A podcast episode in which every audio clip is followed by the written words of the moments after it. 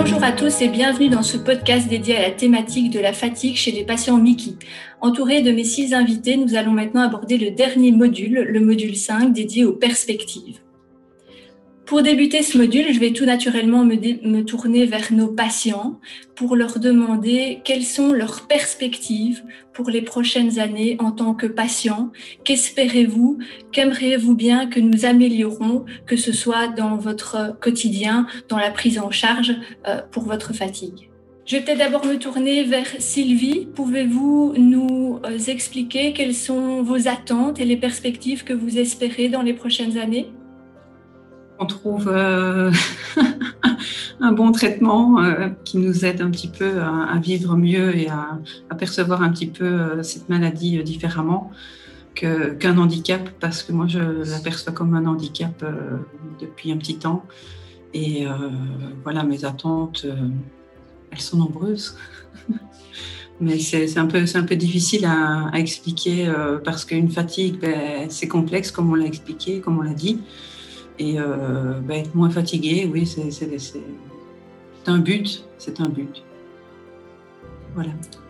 Oui, on, on, comprend en effet que la finalité n'est peut-être pas n'est peut-être pas si simple à atteindre, mais en tout cas dans vos perspectives, c'est qu'il y ait une amélioration de la prise en charge pour cette fatigue.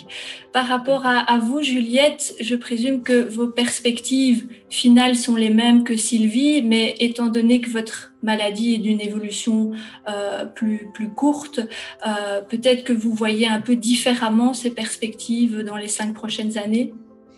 Oui, en effet, pour ma part, euh, je vois principalement une stabilisation de ma maladie, euh, l'espérance que euh, les prochaines, euh, les prochaines crises, les prochaines rechutes ne soient pas aussi importantes que, que, la crise que j'ai actuellement. Et retrouver au moins une partie d'énergie que j'avais avant pour me permettre d'avancer autre que dans mon travail au niveau familial, au niveau socialement dans, ma vie. Parce que c'est vrai que pour le moment, c'est un petit peu en pause. Euh, donc voilà, c'est vraiment ce que j'aspire, c'est euh, la, voilà, pouvoir mettre fin à la pause et euh, continuer, continuer le roulement d'une vie pas complètement normale, mais en grande partie en tout cas. Merci pour votre témoignage. Donc, on comprend évidemment quand on demande aux patients quelles sont leurs perspectives, ben, les perspectives, c'est d'aller mieux. Euh, en tant que personnel soignant, nos perspectives, c'est d'essayer que nos patients aillent mieux, évidemment.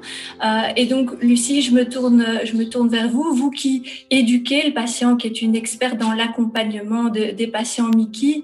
Euh, Qu'espérez-vous comme perspective à l'avenir? Je pense ici que ce qui est vraiment important, c'est d'accompagner le patient et de leur expliquer que, comme Edouard l'a dit à un moment, on n'a pas de baguette magique, on essaye de faire au mieux et que mon rôle à moi en tant qu'éducatrice aussi, c'est de, d'essayer que les patients, euh, d'alléger un petit peu leur quotidien au travers de, l'information, tout d'abord, que les patients puissent découvrir eux-mêmes comment eux peuvent influencer leur quotidien et, faire en sorte que ça soit plus vivable.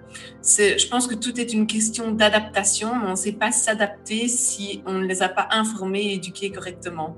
Alors je pense que nous, euh, euh, on va encore évoluer, on a déjà bien évolué dans notre service parce qu'on voit que la fatigue est donc quelque chose qu'on prend vraiment en compte.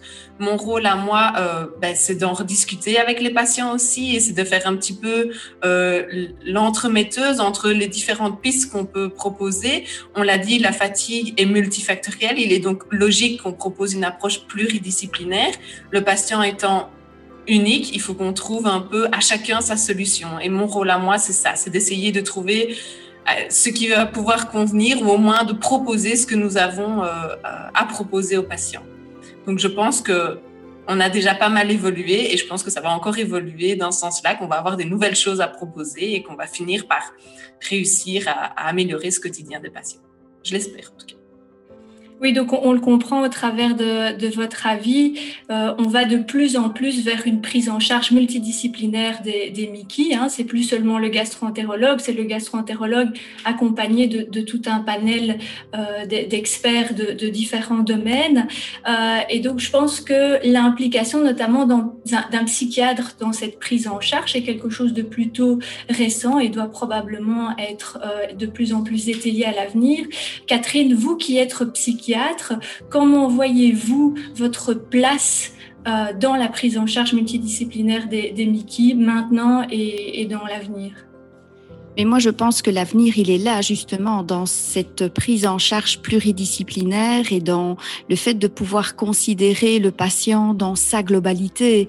On a vu euh, tous les liens qui existent euh, entre cerveau et corps, corps et cerveau. Donc effectivement, faire partie euh, d'une équipe avec gastro-entérologue, coach et, et infirmière d'éducation, ça permet effectivement de pouvoir prendre le patient en charge globalement mais aussi, comme le disait Lucie, dans sa spécificité, parce que chaque patient est unique et chaque patient va vivre sa maladie d'une façon qui lui est tout à fait unique. Et donc, euh, tout ça, euh, je pense que quand on met tout en, en lien et quand on communique entre nous, autour euh, du patient. Je pense que ça permet de bien mieux comprendre ce que le patient vit. Et donc, je crois qu'au final, euh, on ne peut que l'aider de mieux en mieux, euh, plus on communique entre professionnels par cette prise en charge pluridisciplinaire. Merci pour, euh, pour votre avis. Je me tourne maintenant vers, vers Laurent, qui est expert en fatigue et, et en coaching comportemental. Est-ce que se développent maintenant et à l'avenir des nouvelles techniques comportementales, des nouvelles approches non, non pharmacologiques euh, qui pourraient aider dans l'avenir les patients euh, Mickey qui sont fatigués? Effectivement, je pense que le, coaching orienté solution est une forme de coaching, une forme de technique comportementale intéressante parce qu'elle permet aux patients de reprendre d'une certaine manière une forme de contrôle. Et ça, c'est quelque chose pour moi de, très important. Donc, parvenir à lui permettre de mobiliser ses ressources. Donc, il est certain que euh, ce genre de technique va permettre aux patients également de redevenir acteurs de son bien-être. Ce sont pour moi des, éléments capitaux dans l'évolution de la santé du patient.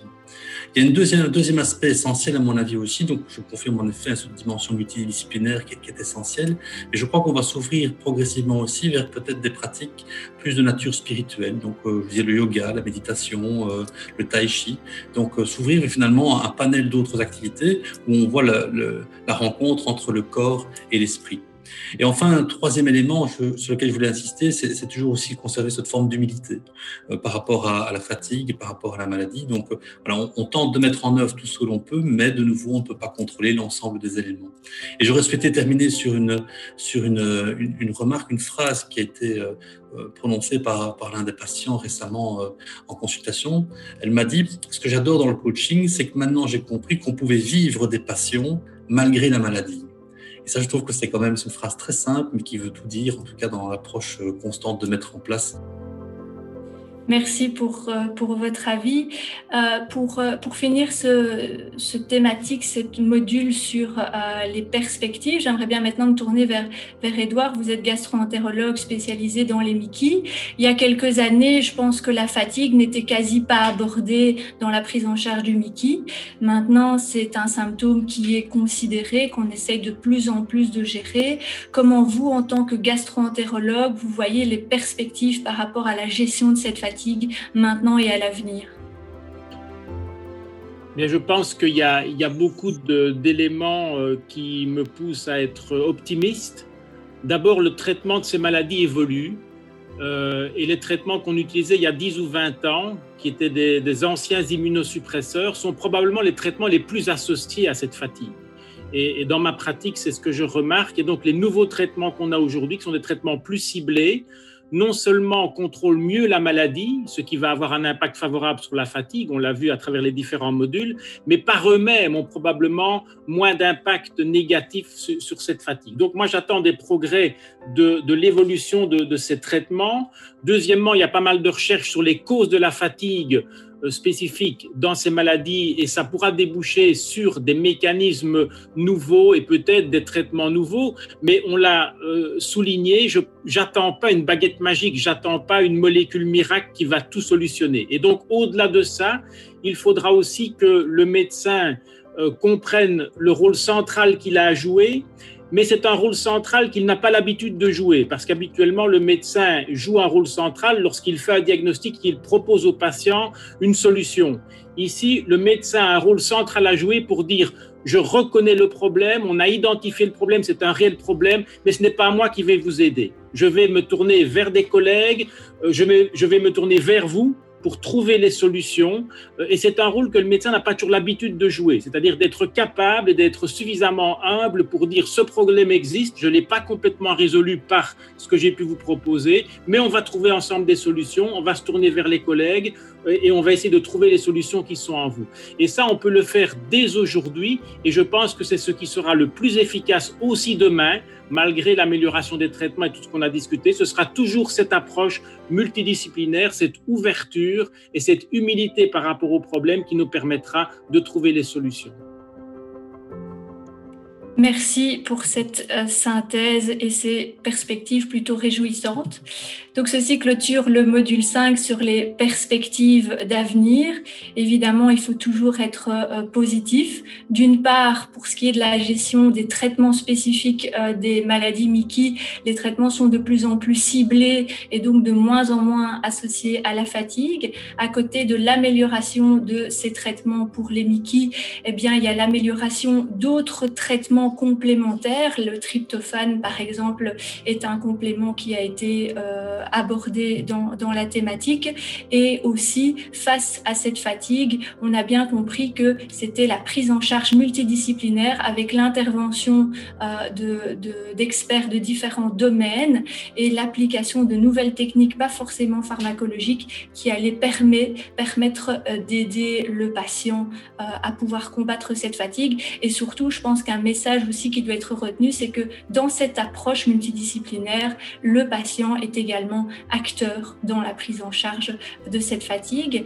Euh, ceci clôture le module 5 et je voudrais vous remercier tous pour euh, vos avis, vos conseils euh, ou vos témoignages que vous avez donnés au travers de ces cinq modules qui résument ainsi le podcast de la thématique de la fatigue chez les patients Mickey. Merci à tous pour votre présence.